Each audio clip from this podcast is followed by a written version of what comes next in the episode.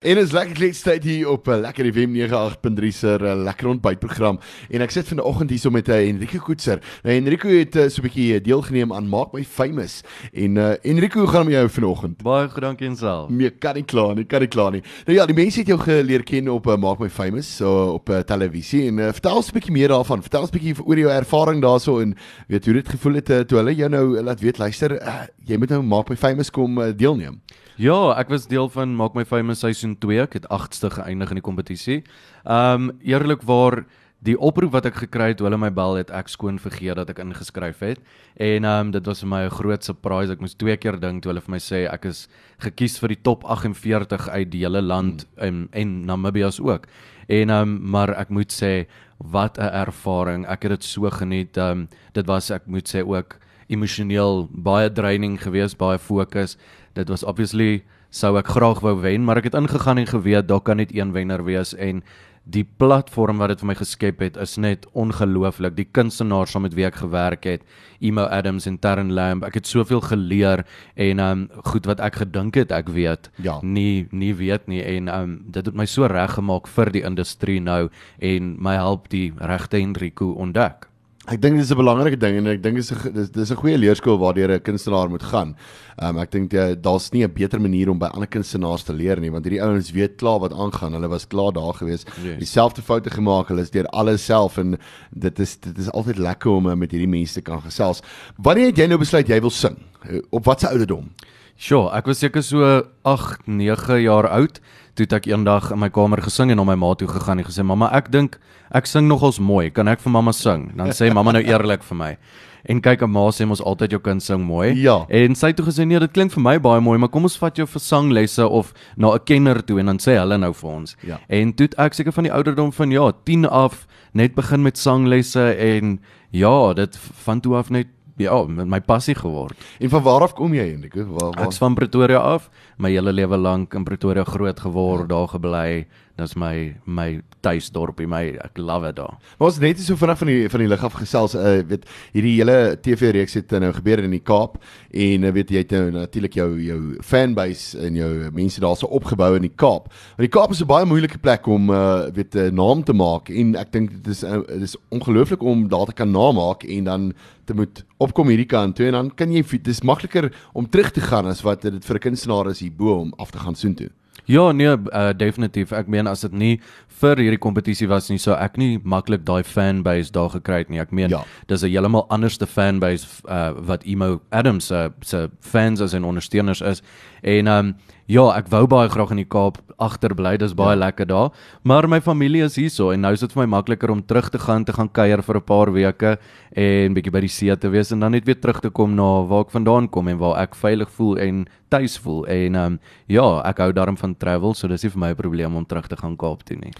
Baie gepas. Volgende liedjie wie wie ek is. Kom ons praat 'n bietjie daaroor. Tel my gou net so vinnig. Ja, ek het oor ehm um, so 2 jaar aan my album geskryf saam met ander skrywers ook, hmm. want ek wou dit uniek gehad het en gehad het elke liedjie moet iets beteken en soos my album was, was hy al op pad drukkers toe en hulle sou die volgende oggend begin druk het aan die album en daai aand besef ek maar daar kort iets op die album. Die die luisteraars moet weet wie Henrico is. Ja. En daar's nie 'n liedjie wat sê wie ek is nie en ek skryf toe daai aand wie ek is en ehm um, Ja, die die liedjie sê van die begin af tot aan die einde presies my storie, my verhaal en dis kom dit vir my so uniek is omdat ek in hierdie liedjie vertel maar die is Enrico, dis wie ek is.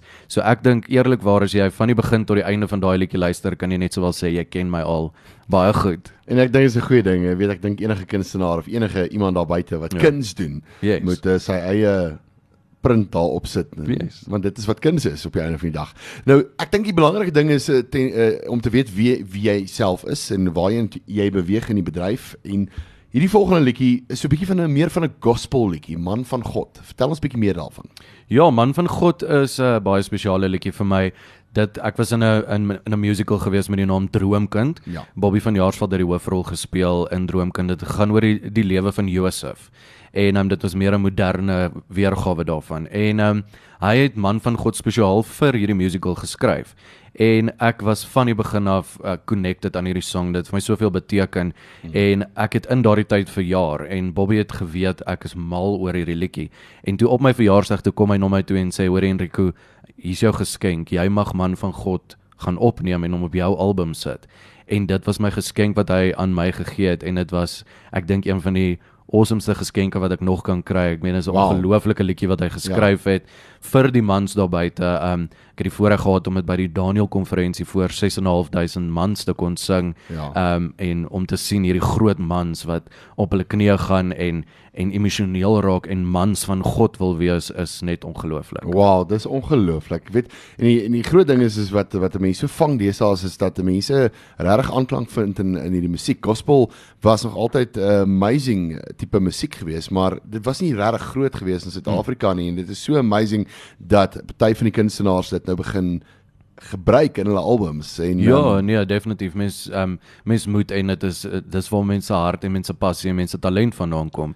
Verseker ja. verseker. En sonder dit gaan jy gaan jy kan kan aangaan nie. By Enrico vertel net gou vir ons bietjie wat lê nou vir jou voor na maak my famous? Waarna toe beweeg jy? Wat wat gebeur in jou lewe op die stadium? Kyk die belangrikste was om om daai platform nou te moes gebruik. Ehm um, dit was vir ons gegee en geskep en ek het soveel ondersteuning daai uit gekry, nuwe ondersteuners, ehm um, media en uh, dit is net lekker wat wat gebeur.